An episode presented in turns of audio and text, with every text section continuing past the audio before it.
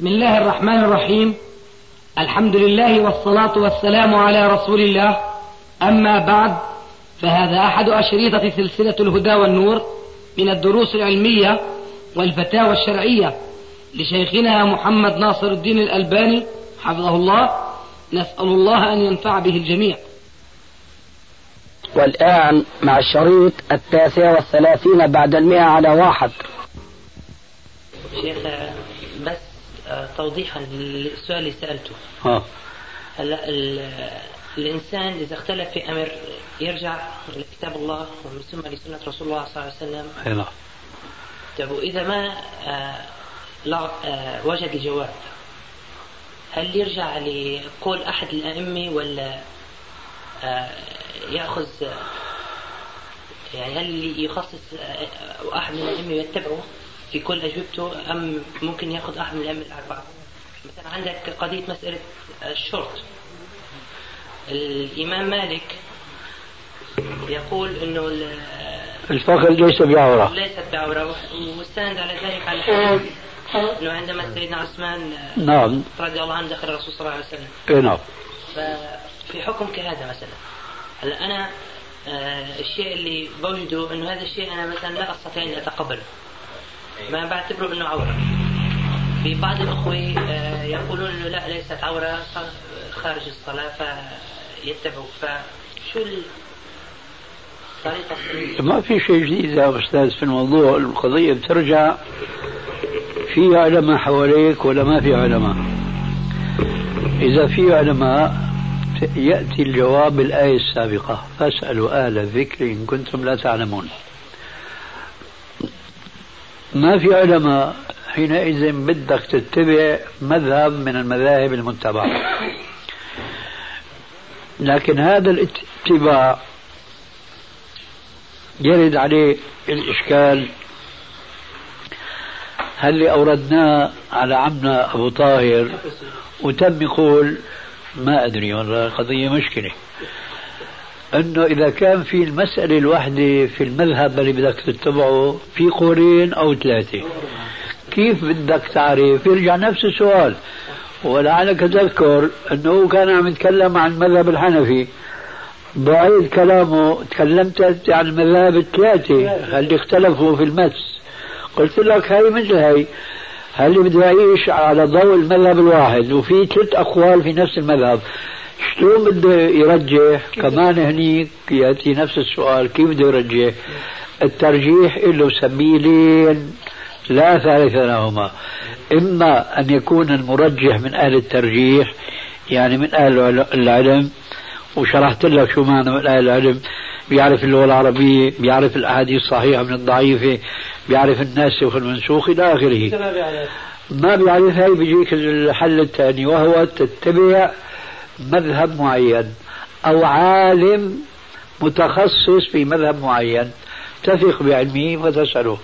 أما أنك أنت ولا زيد ولا بكر يجي هو يقول انشرح صدري لهذا الكلام أو ما انشرح هذه قضية ما لها حدود.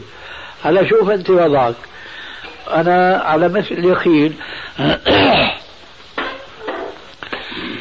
لو كنت من الجماعة الذين يلعبون كرة السلة مثلا أو كرة القدم ما بتملك نفسك راح تميل إلى مذهب مالك.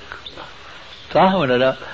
لكن يمكن مثل حكايتي تحب تتفرج لكن ما بتحب تلعب. مقصود. فبتلاقي ما في ضرورة بالنسبة لك تقول إنه والله الفخذ مو عورة. لا الفخذ عورة. لكن هون صار معك مثل ما صار في لحم الجمل أصبت السنة لأنه قصة عثمان ما يؤخذ منها حكم يخالف قول الرسول عليه السلام ألا وهو الفخذ عورة. طيب. الفخذ عورة حديث له طرق كثيرة. لكن هو في الصحة ليس كحديث عثمان ولا كحديث أنس الذي رواه البخاري في الصحيح. البخاري ذكر حديث أنس في باب الفخذ. هل هو عورة أم لا؟ حديث أنس طويل خلاصته. أن الرسول لما غزا خيبر هو وصحابته كان راكب على فرس. لما فتح خيبر طارد. فانحسر الثوب عن فخذه. حتى بيقول أنس حتى رأيت بياض فخذه. هذا الحديث ذكره البخاري في صحيح. ثم ذكر تعليقا يعني بدون إسناد. قال وروي عن جرهد وعن ذكر اثنين ثلاثة. أن الرسول عليه السلام قال الفخذ عورة. قال هو تفقه منه.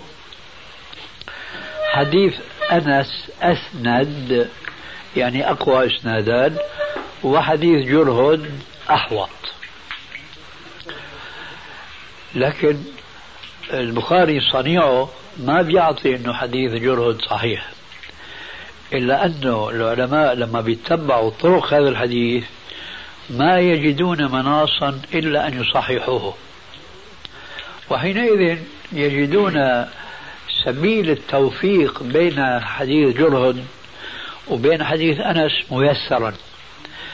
لأنه حديث أنس اولا له له مشكلة. في صحيح البخاري حديث أنس بلفظ حسر رسول الله صلى الله عليه وسلم. في صحيح مسلم انحسر فهون صار في اختلاف في اللفظ وفي المعنى. في انحسر هيك رفع وكشف عن ذهده وبين انحسر بدون قصد منه. آه. فإذا فرضنا أن الرواية الصحيحة هي رواية مسلم ما فيها إشكال. مثل قوله تعالى ولا يبدين زينتهن إلا ما ظهر منها شو عاملة بها هي أما بتظهر هي في لها حكم ثاني. لكن إذا كانت رواية البخاري هي الأصح حينئذ يظهر أنه في إشكال لأنه كيف كشف عن فخذه؟ وفي الحديث بيقول الفخذ عورة. الجواب بقى الفقهي كما قلت آنفا أنه ميسر وهو إذا تعارض الحديثان أحدهما من قوله عليه السلام والآخر من فعله قدم القول على الفعل لأن القول تشريع عام والفعل قد يكون خصوصي للرسول عليه السلام قد يكون آه، يعني قبل آه، تحريم الفخذ والحكم عليه بأنه عورة في قد قدات يعني ترد على الأفعال النبوية. فحينئذ ينبغي الاعتماد على حديث الفخذ عورة وبخاصة في حديث آخر يؤيده ما بين السرة والركبة عورة. هذا الترجيح العلمي القائم على البرهان. لكن لما الإنسان ما بده يرجع للترجيح الشخصي. تختلف القضية مثل ما ضربت لك مثال من شخص إلى آخر. بل من شخص يكون في وضع ويصبح في وضع آخر. تتغير القضية. وهكذا. لذلك العلم العلم لما يكون مستقى من الكتاب والسنة فهو صيانة لهذا العالم أو لهذا الطالب للعلم. بينما إذا كان علمه قال الشيخ فلان فهو معرض لأكثر الأسباب أنه يحيد عنه. يستقيم في حياته كلها مهما تطورت عليه الظروف والحياة. تفضل. حول الروايتين اللي ذكرتهم. أي نعم. البخاري حسر وانحسر. أي نعم. ألا يمكن أن يقال أستاذي أن لا تعارض بينهما لأن فعل حسر من أفعال المطاوعة. حسرته فانحسر كسرته فانكسر وهكذا؟ صحيح. هذا يمكن لما بيكون الرواية أيوة. آه رواية عن شخصين عن صحابيين. أما الرواية طريقة واحد هو أنس وعن أنس ما أذكر. فلا بد أن الراوي إما أن يقول إما أن يكون قال حسر أو أن يقول انحسر أما هذا التوفيق وهذا الجمع ممكن فيما إذا كان الحديث متعدد الوجوه. وأن من الناحية العربية هو كما ذكرت تماما. وجهة نظر الأخ هذه يقويها إنه عن, عن, عن راوي واحد. يعني الراوي بده يكون معناها قصد المعنى وما قصد اللفظ اليومين راح يعطيني المعنى واحد بين حشرة. يقويها كيف يعني؟ يعني يقوي وجهة النظر إنه عن راوي واحد. إيه. إنه المعنى واحد. إيه. والراوي لما لما غير اللفظ أخطأ باللفظ. أو مرة روى بهذا اللفظ مره باللفظ الآخر. إيه. معنى مثلا معناها بالمعنى. والمعنى حسر قد تعني انحسر بينما انحسر لا تعني حسر هذا بارك الله فيك. يقال إذا أخذنا الراوي من فوق لعند شيخي البخاري ومسلم. لكن هي مو هيك ليس آه. اختلافات الرواة. اي نعم. ما هو معروف وين اختلف اللفظ بعدين آه، يرد سؤال يتعلق ب وإنك لعلى خلق عظيم. يستبعد الإنسان أن يتعمد الرسول الكشف عن الفغي والأقرب أنه يكون انحسر بدون قصد منه لأنه قضية قضية مطاردة. نعم سيدي والله هذه ما تبادر إلى ذهني. الحمد لله. يكون بعيد عن رسول الله عليه السلام اللي يكشف عن الفغي بدون علة يعني. بلا شك؟ آه بدون علة. طيب إذا كان ذلك كذلك فما الجواب عن حديث عثمان؟ آه هذا حديث عثمان واضح تماما. سبق الجواب عن حديث أنس. نعم. اي نعم. المرأة يعني هذا فاعل من الرسول عليه السلام فيمكن أن يكون خصوصية له. يمكن أن يكون قبل مجيء الفخذ عورة. وهكذا. اذا الجواب هذا في ظني أدق من الجواب السابق اللي هو يعني إنه من أخلاق الرسول أو كذا أو من شيء من ناحية علمية يعني. أي. حتى لا يعني تكون ثغرة إنه طب هذا هون ما في يعني سبيل لهذا الشيء أن يقال الخلق وكذا وخاصة الرسول كشف عن فخذه في حديث عثمان. اي نعم. فأن يقال هذا قد يكون قبل أو هذا خصوصي للرسول أولى من الجواب ذلك الله أعلم. ونحن قلنا هذا وهذا. نعم. قلنا هذا لا وكمان قلنا أخي إنه هو الحادثة هي آه، ممكن أن نفترض فيها عدم القصد لأنه مطاردة. صحيح هذا لا شك واضح جدا وهو الافضل في هذه. هو هذا. صحيح. نعم شو مرة قلنا؟ لما تذكرت في هذا الموضوع أيوه. إنه هذه حالة حصلت. أما ما كان فعلهم والسلف ومشوا عليه بدهم يخرجوا إلى الطرقات ويجلسوا في المجالس العامة إيه نعم. كاشف بلاد الكفار. يعني. نعم ولذلك يقول فقهاء الأحناف على مثل هذه الحادثة هذه واقعة لا عموم لها. لا عموم لها. مثل أشياء كثيرة. مثلا عبد الله بن عمر يقول صعدت يوما بيت أختي حفصة. فرأيت رسول الله صلى الله عليه وسلم يقضي حاجته مستدبرا الكعبة.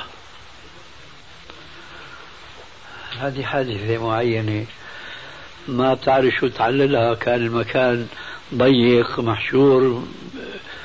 ما بنيجي على قاعدة كما يقول علماء الشافعية أنه هذا دليل أن استقبال واستدبار القبلة بالبول والغائط في البنيان جائز.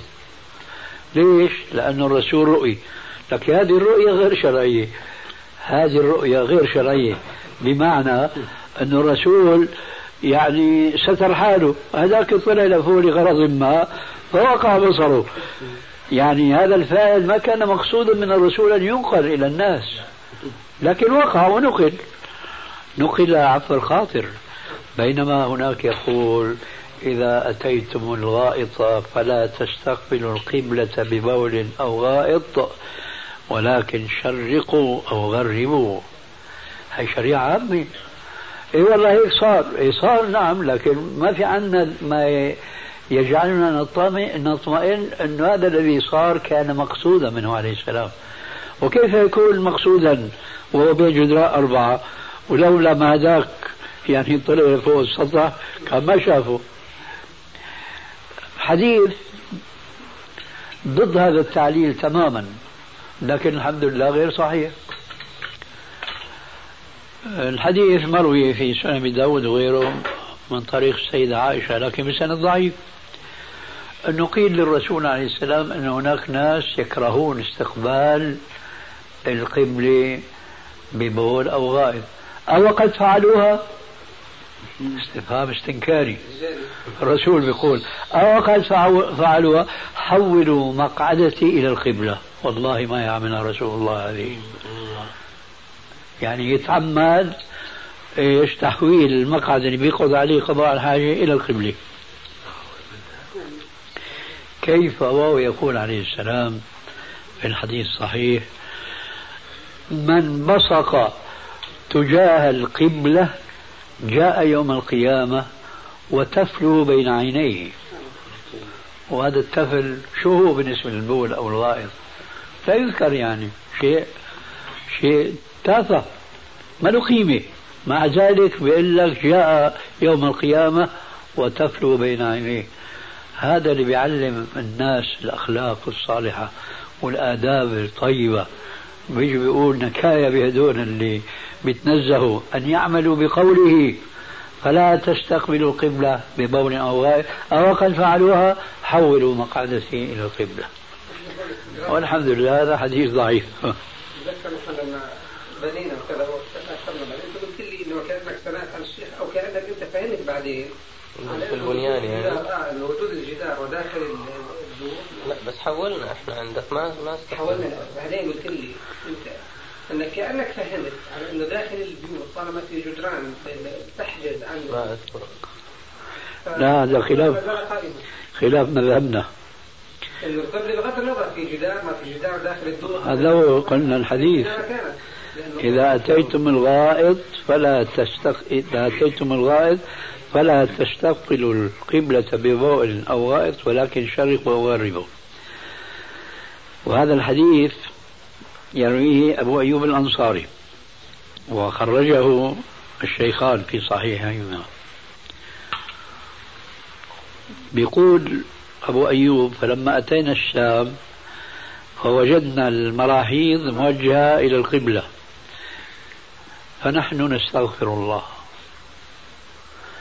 هذا دليل من الراوي أنه هذا حكم محكم ثابت.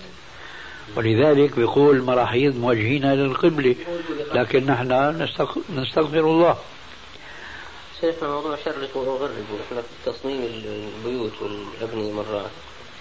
أه بكون اتجاه قطعة الأرض ما تحكم شرق وغرب مثلا ممكن تيجي زاوية بالنسبة للقبلة. إحنا بنتحرى إنه ما يكون للقبلة لكن لو زحنا عن القبلة مقدار 45 درجة مثلا ما كان شرق أو غرب.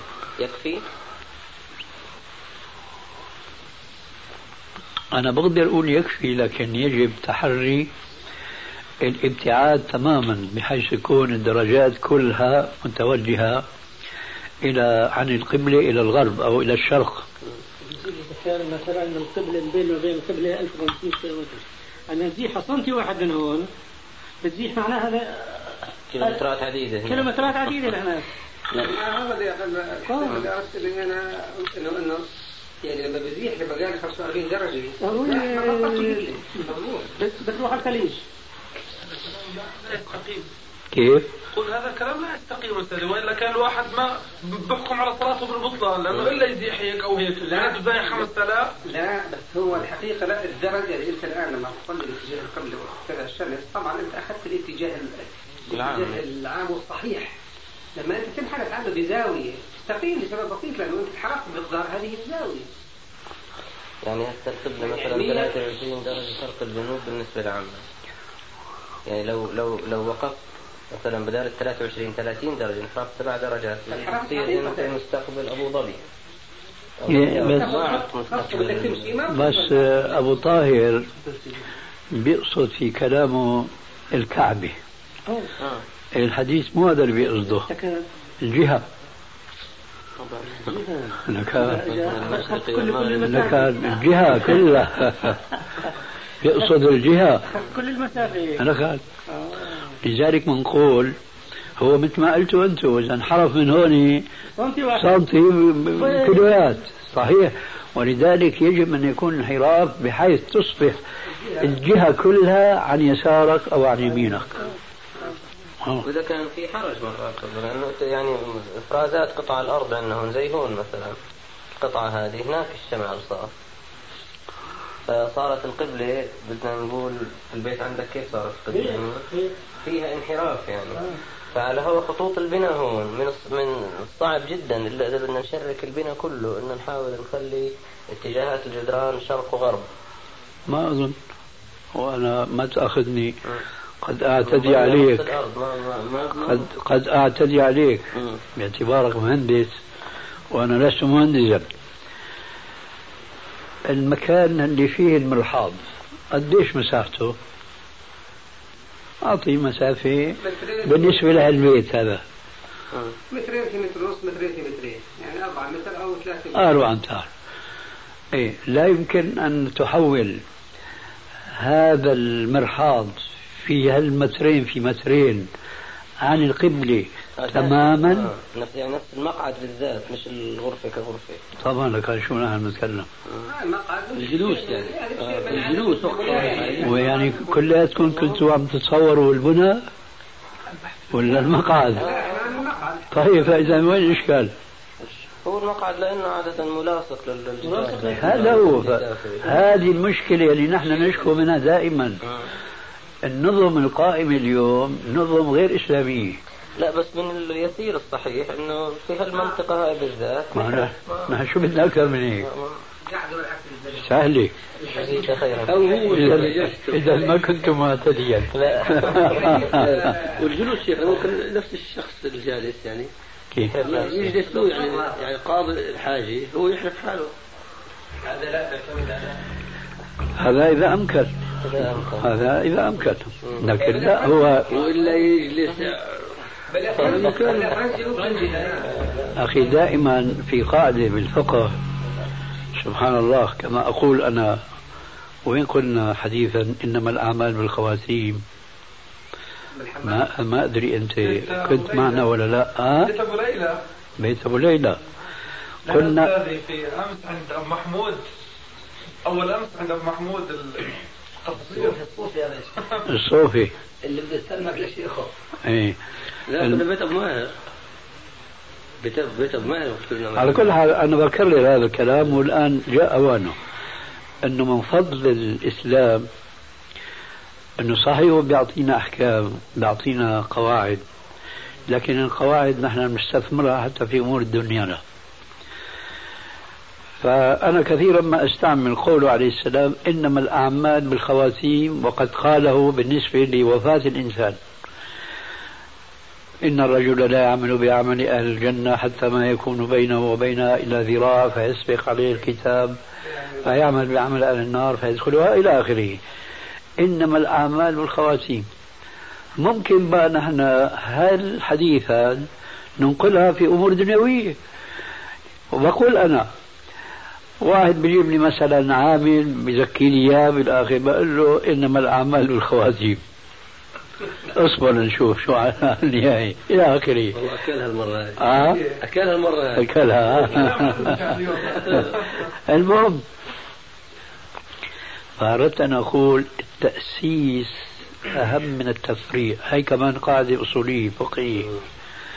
فنحن بدنا نأسس المقعد بحيث انه الكافر الفاسق يقعد القاعدة الشرعية غصبا عن أنفه. مش نكلف المسلم نقول له خذ احتياط هذا مستقبل قبلة فأنت لا تستقبل قبلة هذه قضية مش عملية. فنحن بالأصل بدنا نأسس على وفق إيش؟ الشريعة. ولذلك فأنا أرجو من الأخ طاهر أنه فليبلغ الشاهد الغائب. يعني لازم يحطوها اخواننا المهندسين في بالهم القضية هي. والله بنحطها بس المشكلة كمان هلا صحيح يعني لما يجي عندك زبون متعاون متفاهم معك بالنسبة للاتجاه تقدر تحرف له المقعد داخل نعم. المرحاض. طيب. أما لما واحد بجوز حتى ما تقدر تفتح معه الموضوع يعني من نوعية الشخص أنت بتحاول قدر الإمكان تبعده عن القبلة بس ما بتقدر تقول له هذا الكرسي بالذات بدي أحطه في داخل الغرفة محروف 30 درجة هيك أيه. ما بتعاون معك يعني ولا ولا ممكن إنه يتجاوب إيه وأنا نعم. لا مش ذنبه على جنبه. هو لا المهندس. المهندس حطها هو بالنسبة لطاهر نزلها عنده على الموقع محفوظه 30 درجه هو عندما يريد أن ينفذ ذاك الرجل ما اقتنع بالحق ما مش هو المهم خطط على الشرع. نعم. وهذاك ما نفذ بده طيب هلا هو هو رفع المسؤولية. كويس. لكن هو عم يقول ما بيجاوب معي. فكأنه أنا فهمت منه أنه ما دام ما بيجاوب فأنا مضطر أنه خطط أنا له بحدود أنا مرات بالتخطيط زي ما حكينا بتقدر تنحرف. نصف زاوية قائمة مثلا. بدون بدون ما يظهر عليك أنه عم تحاول تتحرى شيء معين أما إذا عم تحاول تتحرى الزاوية بالذات راح يصير في شيء واضح في تصميم هال هال- الحمام أو هالمحاض هذا غير طبيعي. غير طبيعي يعني معتادين عليه هو نحن نحن ليش غرباء؟ لأنه بدنا نظهر بدعوتنا صراحة يعني مش مش شرط يعني إنه المسلم يكون مسلم في صلاته وعبادته. يكون مسلم في معاملته للناس. نعم. بقول هون يزيل عنه الحرج والإثم. إنه هو يبين رأيه. يقول أنا بدي أكون هون لإنه هذا الشرع هو إذا ما أراد أن يطبق بس انت إذا تعرف إنه ما بيقتنع بالشرع بدك تقول له هاي ناحية جمالية هيك ألطف يعني. هو أنت لا هو بالنسبة له المألوف زي ما حكى عنده إنه تكون هيك. أنت بتقول له أنا عامل لك إياها هيك لأنه الشرع بيقول هيك. هو بعدين إذا ما أراد ينفذ خلص دمه على جنبه الحقيقة. إيه بس هون في شرط بالنسبة له. ما يتجاوب معه في التخطيط. لا ما بجاوب هو يعني هو يلقي كلمته ويمشي. يعني يضع المخطط حسب الشرع وانتهى. بعدين هذاك يصطفل يحدد أما هو يعدلها يعني انصاف حلول مثل ما سمعت انفا. يعني بحرف شوي هيك شوي بحيث إنه تنطلي عليه. ويعني نحن طبقنا الشرع لا مو هيك. يعني اللي حكيناه اليوم في السيارة. اللي قلنا انه الحديثين اللي سأل كنا نحكي في السيارة طلعوا الاثنين ما هم في والله هذا حديث أو بالنسبة لمسألة استقبال القبلة. ممكن تشوف لي أم الفضل. جالسة ولا نايمة. وصار صار صار, صار وقت مشان بقى تكون جالسة تستقبلنا. يعني إذا ما ما تحدد فيها أستاذنا حول مسألة استقبال القبلة واستدبارها أظن في بعض المذاهب يقولون حتى استقبال الش- الشمس واستدبارها أيضا لا يجوز. أي نعم. هذول الحنابلة. كان عندنا سؤال إحنا حول نعم. كان عندنا السؤال. سؤال حول الأحاديث الواردة في إنه الخلافة في قريش. نعم. شو الحكم منه وشو أثروا علينا في الأيام اللي إحنا فيها؟ أما شو الحكمة فأنا ضد الذين يسألون عن بطل. وبتعرفوا السبب. إذا ما بتعرفوا حتى أشرح لكم. كويس. أما- الحكمة كيف؟ يعني أحيانا خلينا إن, إن بدت يعني. معليش لكن نحن ما بنأيد الأسئلة كلها ولو كانت حكمة ظاهرة. خاصة أنه الحكمة اللي قالوها بالنسبة لهذا الحديث مضى زمانها. لأنه قالوا أنه هذا باعتبار أنه العرب كانوا يخضعون لقريش وكانت قريش يعني مثل شخص في قبيلة شيخ. فقريش كقبيلة هي شيخ القبائل فكانوا يخضعون لهم. فهذا ربط سياسي شرعي في آن واحد. الآن ما في عرب ولا في قريش ولا في قضية فوضى مثل ما أنتم شايفين في البلد الواحد. ولذلك أنا شرحت لكم يمكن أكثر من مرة لم أعد أطمئن لتوجيه مثل هذه الأسئلة لأسباب كثيرة. آه، أوضحها أنا شخصيا قد أسأل عن حكمة في نص فأجيب.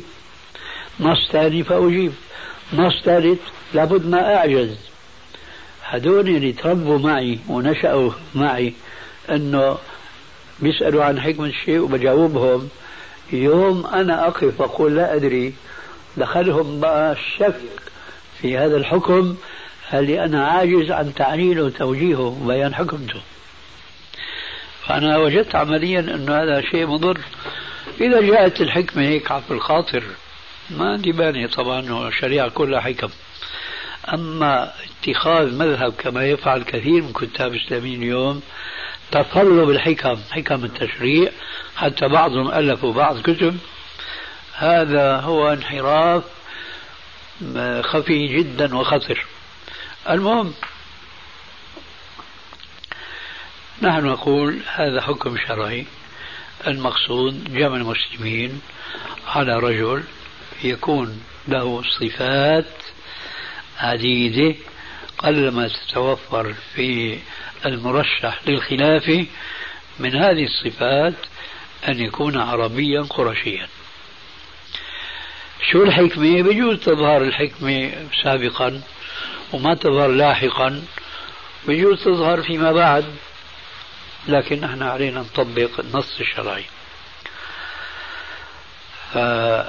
شو بقى السؤال المهم في هذا السؤال؟ اثر أثر الأمر هذا على على على وضع المسلمين في العصر الحاضر. هذا السؤال ليس بأهم أنه ما هي شروط الحاكم المسلم يعني الخليفة المسلم؟ هل مثلا يصح أن يكون الخليفة جاهلا بالشريعة؟ طبعا جواب لا. حتى ولو كان اذا نعم. حتى ولو كان قرشيا هذا المقصود. إذا لا. إذا يجب أن يكون عالما.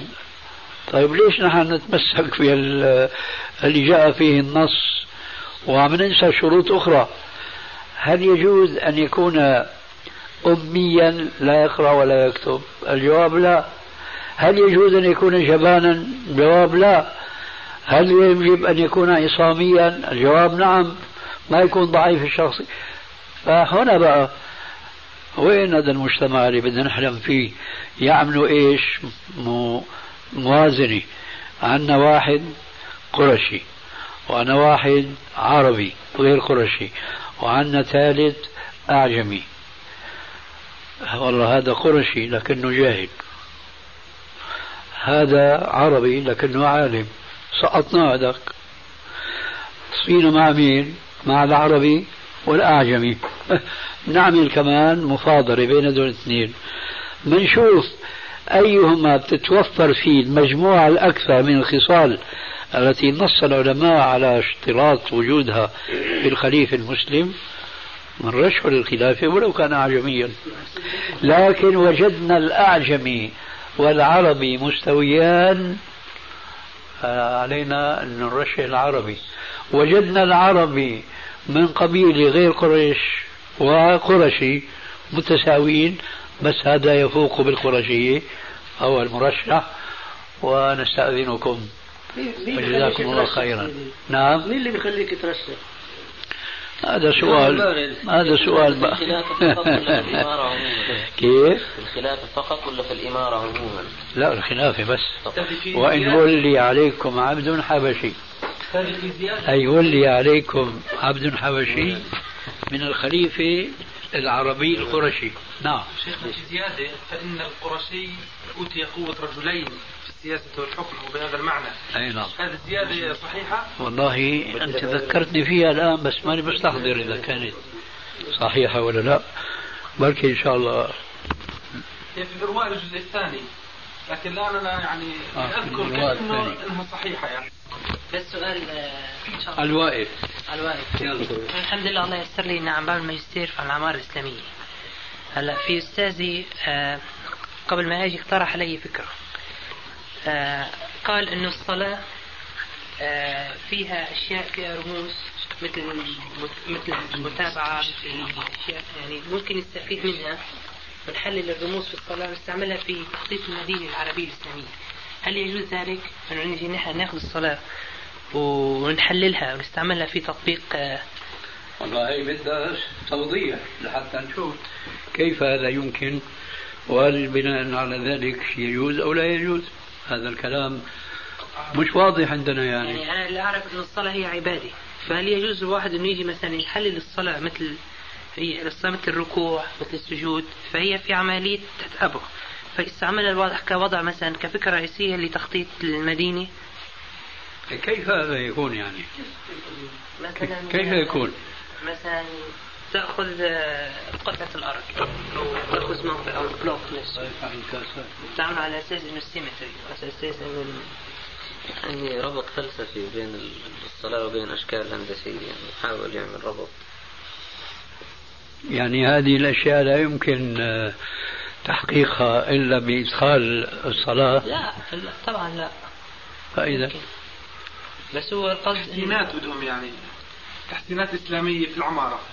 ب- يعني القصد منه إنه ربط فلسفه الصلاة في آه، يعني إظهار فلسفة الصلاة في العبارة فحزلقة هذه. أنا خايف تكون القضية هاي.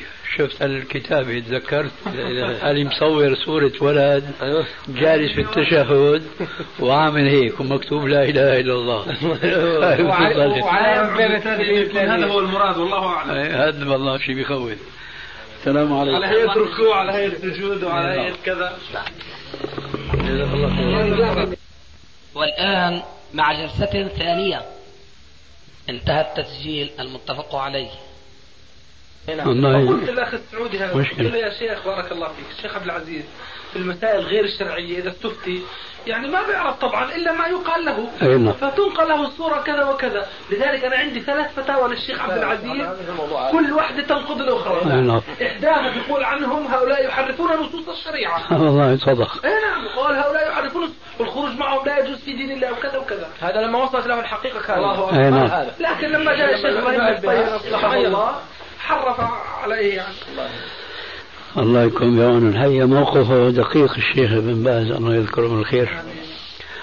وهنا يظهر أهمية الباطنة أو البطانة الحسنة والبطانة السيئة. خاصة مثل الشيخ جزاه الله خير يعني وضعه وعجزه. هو بحاجة إلى من تكون بطانته أقوى ما تكون. حسنا. هذا أنا قلت للقاضي قلت للقاضي شيخنا الشيخ عبد العزيز لا يقرأ بنفسه. هذا إنما يقرأ عليه. هذا هو مشكلة. والذي يتولى القراءة القراءة عليه إن لم يكن أمين آه. فيغير فتوى الشيخ. الله. أستاذ لما إحنا سافرنا المرة الأخيرة هذه أنا أول مرة ألقى الشيخ ابن باز آه. فجلسنا قلت له يعني في رسالة البيعة كنت أرسلت لك إياها وكذا. ما ما كملت. فإذا بالشيخ إبراهيم الحسين أنت حرفت؟ كلام ابن تيمية قلبته وكذا أنا وأخوي الشيخ صالح شفنا وكذا. الله أكبر صار ثورة كبيرة. هذا اتق الله ما في شيء هذا أسلوبه بدأ. ينفر وكذا. فقلت الشيخ عبد العزيز، قلت له ما وصلت لك الرسالة؟ قال ما وصلت له سبحان الله الشيخ سعد أرسلها عادلا فيبدو أنهم يعني آه هذا خبر خبر. هذا خبر متكرر يعني. يعني الرسائل لا تصل إليه كلها. نعم. ما يريدون من لو هو كانت. الرسالة معك كان قرأتها أنت عليه قدر الله. ما, أدري عاد سبحان الله. حتى الشيخ خالد وفي بيته أنا والشيخ ربيع وبعض الإخوان زرناه قلنا من باب تكريمه وكرمه على أساس أنه نكسبه بالنسبة لجماعة التبليغ وكان معه الأخ صالح. كان صالح يعني أأدب منه أما نحن فوجدنا الجفا في داخل بيتي لدرجة أنه تكلم معي قال لي أنت كفرت جماعة التبليغ وأنا والله ما, ما ذكرت كفر ما أتكلم. بالكفر. لا حول ولا قوة. يا أخي نحن نتكلم على المنهج ولا نتكلم على هذا صحيح. ولا يجوز لنا أن نكفر شخص. صحيح. مذهب أهل السنة والجماعة. ما يلزمون لأحد من أهل القبلتين بجنة بأن هناك نوعا آخر من التعطيل وهو تأويل النصوص الشرعية بدون أدلة شرعية. فحينما يأتي حديث في صحيح مسلم فقامت امرأة سفعاء الخدين. إيه لعل هذا الحديث كان قبل نزول الآية. لعل. لعل ولعل. لماذا هذا التكلف؟ حطوا هذا الحديث مع الأدلة اللي ذكرناها. تأخذ القضية قوة كما قال الإمام البيهقي أنه هذا حديث قوي. حديث أسماء وحديث عائشة. لأنه عمل الصحابيات كان على هذا. وبخاصة أنه نحن لا ننكر شرعية ستر المرأة لوجهها. لا أيضا عقلا وإنما نقلا لأنه وقع ذلك في العهد الأول. ولهذا كان من البواعث على أننا عقدنا فصلا خاصا أن ستر المرأة لوجهها أفضل. ردا على بعض إخواننا من أهل السنة في لبنان يعني معلوماتهم في السنة وفي الآثار السلفية محدودة. قالوا أنه ستر المرأة لوجهها بدعة. فنحن ما نقول هذا نقول هذا أفضل وننصح بذلك لكن ما نتشدد نقول حرام لأنه لا دليل على التحريم. طيب غيره شو عندك؟ أورد بعض من كتب في مسألة النقاب زيادة في في حديث موجود في مسند أبي يعلى بسند غير صحيح هذا. إسناده غير صحيح. كنا تكلمنا أظن معك تذكر؟ ما أذكر. هذا ما تكلم إذا ما, ما تذكر يعني. أعرف رأيك حتى فيه يعني. عجيب. نعم. هل هذا صحيح نقول لهذا الأخ؟ عبد القادر السندي أورده وبصححه نعم. بس ما إيش إيه. هذا الزيادة هذه غير صحيحة وأنا تكلمت عليها. أظن في الطبعة التي أعدها الآن من من الحجاب. ما شفت بعد. هذا لا يصح. ومع ذلك آه، اقرأ النص. شو بيقول؟ النص مش أمامه مش مش أمامك؟ لكن في يعني الزيادة اللي هي إنه جاي يعرضها للزواج أو شيء من هذا. طيب. حب أنه الزيادة صحيحة. على ماذا تدل؟ الزواج لا بالنسبة لموضوع الخلاف. كشف الوجه. طيب آه، من الذي رأى الوجه المكشوف من المرأة التي عرضت نفسها زعموا للرسول عليه السلام لعله يخطبها؟ آه الرسول عليه السلام أم غيره؟ في غيره. طيب إذا كيف كيف رأى ذلك الحرام؟ هذا يعني يدخل في الكلام السابق. تكلف في جر النصوص وهذا إن صحت وهذا غير صحيح يقينا. لأني أنا راجعت هذا في مستند أبي يعلى الآن ما أذكر شو شو قلته بالضبط. شو الحديث هو نعم. شو الحديث هو؟ أنه هذه الخثعمية اللي جاء في الصحيحين أن الرسول عليه السلام بعد رمي الجمار آه، وقفت أمامه امرأة جميلة وكان خلفه الفضل بن عباس. على ناقته عليه السلام. فقالت له يا رسول الله إن أبي شيخ كبير لا يثبت على الرحل. أفأحج عنه؟ قال حجي عنه. والفضل ينظر إليها وهي تنظر إليه وكان الفضل وضيئا وكانت هي جميلة. فلفت الرسول عليه السلام وجه الفضل إلى الجهة الأخرى. فنحن بنتخذ هذا الحديث حجة قاسم لظهور لظهور المخالفين لأنها وقعت في آخر حياة الرسول عليه السلام. وأيضا الحجة هذه رد على اللي بيقولوا صحيح وجه المرأة ما هو عورة ولكن إذا كانت جميلة وكان الزمن فاسد وإلى آخره فينبغي إيش؟ أن تستر وجهها نقول شو بدكم فتنة أكثر من هيك؟ دخل الشيطان بين المرأة الخثعمية وبين الفضل. لدرجة أنه الفضل راكب وراء الرسول وهو بيأكد نظره فيها. والرسول لا يزيد على إيه؟ أنه يصر وجهه للشق الآخر. كان بقول أنا كان الرسول عليه السلام لو كان يرى رأي هؤلاء المشايخ حتى قلت لأحدهم افرض هذه القصة وقعت معك تماما. يعني أنت في محل الرسول وصاحبك أو صديقك أو ابن عمك رديفك وأمامك امرأة جميلة بتسألك شو بتساوي؟ بتقول استري وجهك ولا تتلطف كما تلطف الرسول عليه السلام؟ ما استطاع أن يجاوب. لأنه حقيقة محرج موقفه. لأنه إن قال أنا بقول أستر قال الرسول عليه السلام. وإن قال لا ما بأمرها. إذا لماذا تأمرها وأنت بتقول يجب أن تستر وجهها إذا خشيت فتنة وهي فتنة موجودة؟ هالقصة في رواية أن هذه المرأة كان أبوها أو عمها أنا بعيد العهد الآن هو دفعها مشان الرسول يشوفها لعله يتزوج بها. هذا ما يصح ها؟ هذا المقطع مو صحيح. هذا المقطع مو صحيح. لأنه هن ليش بيجيبوا الرواية هي فكر يعني بيخلصوا من الاعتراض تبعي. مع أنه مثل اللي كان تحت المطر صار تحت المزراب. لو الرسول فقط شافها ممكن يقال هذا الكلام. لكن الراوي هو اللي عم يروي. أنها وضيئة وجميلة و... كل محرم يا شيخنا كان. إيه كمان هذا له جواب لأنه الرسول عليه السلام قال في الحديث صراحة لا تنتقب المرأة المحرمة ولا تلبس القفازين فالانتقاب هو شد الثوب هكذا.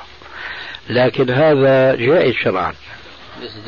وهو السدل ولذلك جاء في بعض الأحاديث عن عائشة أو عن أسماء أنه كانوا كاشفات وجوههن وهن على الجمال فإذا مر بهن ركب أسدلنا على وجوهنا فالسدل هذا جائز. أما الانتقاب فهو الممنوع. فلو فرضنا أن هذه الخثعمية كانت محرمة كان الرسول عليه السلام يقول لها اسدلي على وجهك. كما فعلت النساء الرسول عليه السلام. لكن مع ذلك ليس عندهم دليل أنها كانت محرمة. ونحن نقول ما في دليل أنها محرمة. هب أنها كانت محرمة.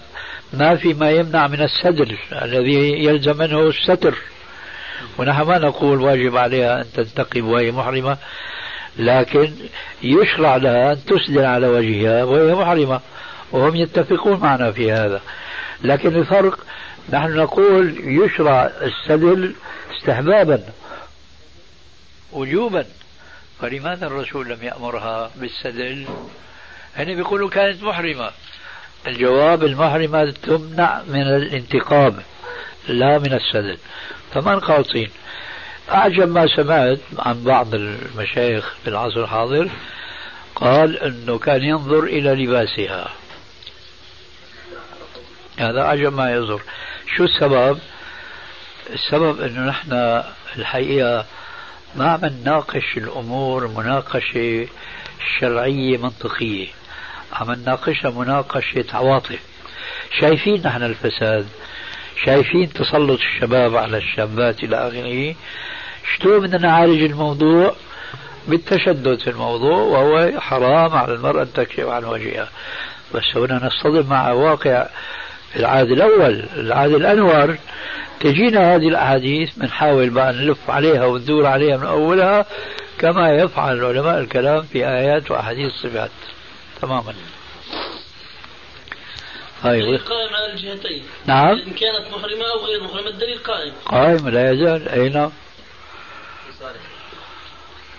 يقول بعض طلبة العلم أن ستر العورة الصلاة من الواجبات وليس من الشروط. وبناء عليه فإن المرأة التي تصلي بدون خمار صلاتها صحيحة أو الرجل عريانا آه، ولكنهما يأتمان فقط. ما مدى صحة هذا الكلام؟ جزاكم الله آه الخمار المذكور في السؤال. المقصود هو غطاء الرأس طبعا. أليس كذلك؟ الرسول يقول لا يقبل الله صلاة حائض إلا بخمار. هذا نص صريح بأن المرأة إذا بدا شيء من عورتها فلا صلاة لها فما وجه السؤال إذا يعني الحين صلاتها يعني تبطل مرة واحدة لا لا يقبل الله ماذا نفهم؟ لا يقبل مرفوضة أجاب بعضهم يا شيخنا بأن لا يقبل لا تفيد عدم الصحة وعدم الاجتياء شو الدليل؟ الدليل إنه بعض أحاديث وردت عن رسولنا عليه الصلاة والسلام فيها لفظ لا يقبل كقوله عليه الصلاة والسلام من أتى عرافا لا تقبل له صلاة أربعين يوما قالوا هنا هذا لا ينفي الأجزاء شو الدليل؟ الدليل مكانك راوح مكانك راوح آه شو الدليل إنه لا تخ... طيب. إنه هاي الصلاة صحيحة؟ نعم هم يقولون هنا لا لا مش هنا هناك هناك آه شو الدليل إنه هناك صلاة مقبولة؟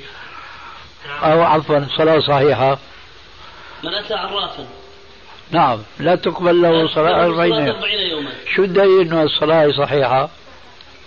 الدليل؟ الدليل أنها صحيحة؟ أننا لا نقول لمن ذهب إلى عراف لا تصلي. وليس هناك من أهل العلم من قال أنها باطلة. الله أكبر. هو هيك معنى الحديث؟ معناها إذا صلى لا تقبل صلاته. مش معناها نقول له لا تصلي. إذا فهي لا تقبل. لا تقبل طبعا. مش بنقول أنا غير ما قال الرسول. يعني غير صحيحة. غير صحيحة طبعا. وإذا سألنا نقول له صحيح. يعني آه، أستاذ شوف انتبه.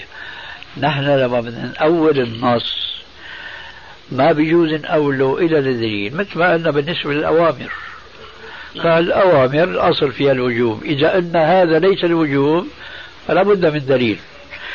لما نقول لا تقبل الصلاة في نص ما ليس معناه الحكم ببطلان الصلاة بدنا الدليل.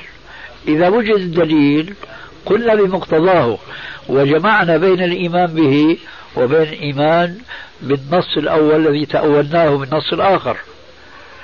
أليس هذا هو الطريق؟ لذلك قلنا نحن سائلين لم نكن منكرين. شو الدليل على أنه قول الرسول عليه السلام لا يقبل الله صلاة حائض إلا بخمار أي لا يعني أنه صلاة باطلة. أتيت أنت بالحديث الثاني. بقيت أنا رافعا أصبعي قائلا شو الدليل؟ لا أزال أقول هكذا. نعم. ما أتى الدليل؟ وأنا لا زلت أقول أن المرأة إذا صلت دون خمار صلاتها باطلة. طيب. ولكن أنا أقول هذه الشبهة طرحها من ادعى هذا الكلام. معليش شبهة طرحها من ادعى هذا الكلام. إيه، نسأله. هنا, هنا الرسول عليه الصلاة والسلام قال لا يقبل الله صلاة حائض إلا بخمار وهنا قال من أتى عراف فصدقه أو من أتى عرافا لا تقبل له صلاة أربعين لا. تقبل. أي صلاة باطلة. صلاته فمن باطلة ادعى خلاف ذلك فعليه الدليل.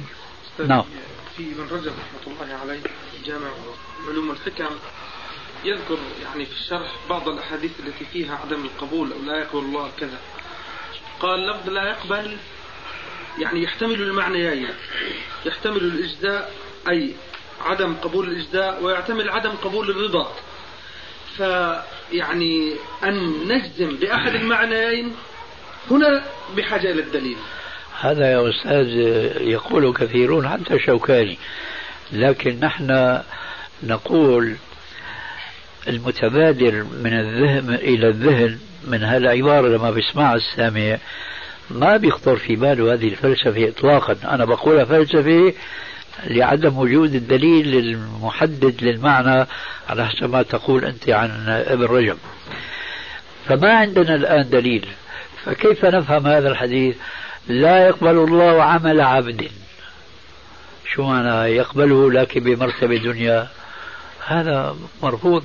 لو أن شوف لو أننا تتبعنا الأحاديث المصدرة بكلمة لا يقبل الله ثم وجدنا بعض هذه الأحاديث قامت أدلة على أن القبول هنا لا يعني البطلان نقف عندها.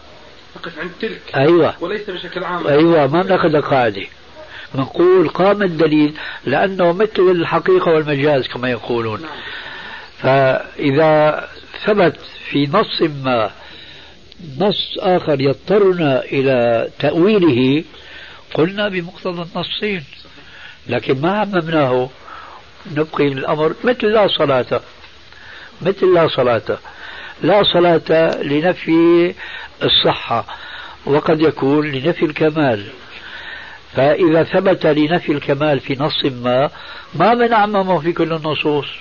لا لأن الظاهر من النفي آه، نفي الذات أو نفي الصحة إذا ما أمكن نفي الذات. أي نعم.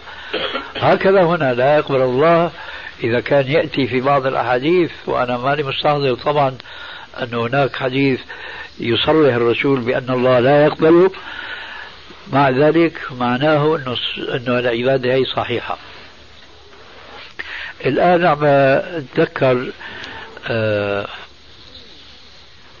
في حديث في كتاب الترغيب والترهيب آه، لا يقبل الله عملا إلا إذا كان خالصا لوجهه.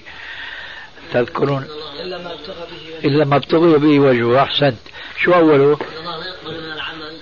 ما أيوة. هذا شو معنى؟ ما بيقبل تأويل إطلاقا. فإن وجد هناك نص فيه نفي القبول. مثل نص فيه نفي الكمال ليس نفي الذات. مثل لا إيمان لمن لا أمانة له ولا دين لمن لا عاد له. هذه لا لنفي الكمال. نعم. آه. لوجود أدلة قاطعة تضطرنا إلى هذا المعنى. لكن لا صلاة لمن لم يقرأ بفاتحة الكتاب. ما من أولى هذا التأويل لأنه أولنا هناك لا بنفي الكمال. فنأتي نقول كمان هنا لا لنفي الكمال. لا كل نص يعامل معاملة خاصة حسب النصوص المحيطة بها. كذلك نقول في جملة لا يقبل الله لابد من من فهم النص على ظاهره إلا لقرينة تدل على أن هذا الظاهر غير مراد. نعم. جاء دوري يعني. جزاك الله خير. بسم الله. بس- مرة ثانية. بس مبين علي... لا، اسمح لي شوي. مبين عليك انك غشيتها حطيت قطعة إضافية يعني. لا في يا شيخنا حلوة يعني. شو يعني؟ يعني شو عامل ميزان يعني؟ شيخنا بالنسبة لا هذا على الماشي مع كيف تمشي. بالنسبة للتوجه للقبلة شيخنا بالنسبة التوجه إلى القبلة. نعم. شرط شروط صحة الصلاة. أي نعم. كما يذكر يعني في الكتب الكتاب نعم. إيش الدليل على هذه المسألة؟ ما في عندنا دليل بالمعنى الأصولي. إلا شيء في قرأته ما أدري 30 أو 40 سنة. إذا أمر الله بشيء هذا الشيء ليس مأمورا به إلا في خصوص الشيء الذي هو منه جزء منه فهذا دليل الشرطية مفهوم هذا الكلام ولا في غموض؟ يعني لسنا مأمورين باستقبال القبلة إلا في الصلاة إلا في الصلاة نعم. شايف؟ فإذا كنا نجلس لسنا مأمورين باستقبال القبلة نعم وهكذا قس على ذلك. فإذا أمر الله بشيء مثل هذا لخصوص الأمر الذي هو جزء منه فهذا قرينة على أن هذا الأمر جزء من أجزائه وركن من أركانه. وكذلك يقال بالنسبة للركوع والسجود. ما في عنا أدلة على الطريقة التي نفهمها؟ نعم. أنه لا صلاة لمن لم يركع لا صلاة لمن لم يسجد. ما في عنا هيك أدلة أبدا. لكن أخذت هذه الأدلة من الأوامر التي هي خاصة بالصلاة. فلا تكون إلا في الصلاة. أي نعم. ولا تتم الصلاة إلا به إلا بها. وهناك شيء آخر ممكن أن ندعم به ما سبق وهو آه، تتابع المسلمين واتفاقهم على كون هذا الشيء ركنا يكفينا حجة وليس من الضروري أن يكون عندنا نص صريح نفهمه نحن. تفضل. إيش هو يا سيدي؟ لا لا نص قرآني حول حول ماذا؟ حول القبلة ليس البحث في هذا بارك الله فيك. وانت كذلك والاذان طول بالك. البحث ليس أنه في أمر في القرآن باستقبال القبلة ولا لا سامحك الله. حيث يكمل ليس البحث انه هل هناك أمر باستقبال القبلة في الصلاة أم لا يوجد أمر. ليس البحث في هذا. البحث هل الأمر هذا يفيد الركنية أم لا. إن شاء الله وضح لك. لأنك الظاهر ما كنت معنا يا أبو باهر ديكتا الآن شيخنا لو سمحتوا يعني خلي الشيخ لا ينهي شغله. هو ما صرح في الكيس يعني عشان قل كان الله في عونك قاعد تمضغ فيها صار لك ربع ساعة.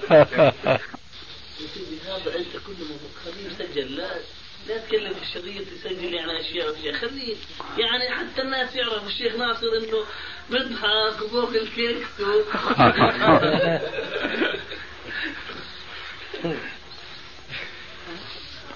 لا مو من بسأل أبو ليلى بعض أشرطته مسجل الشيخ عم بلاعب ولد من الأولاد يمكن ابن بنته. بدأ يغيله. طلع مشكلة هل واحد من ال... كنت أبو ليلى كنت بسجل الشيخ؟ يا زلمة عم بقاقل الولد تروح تسقطه بالشريط قلب حتى يعرفوا إنه الشيخ حلول على الأطفال برضه منيحة إنه أبو ليلى بالذات يسجلها.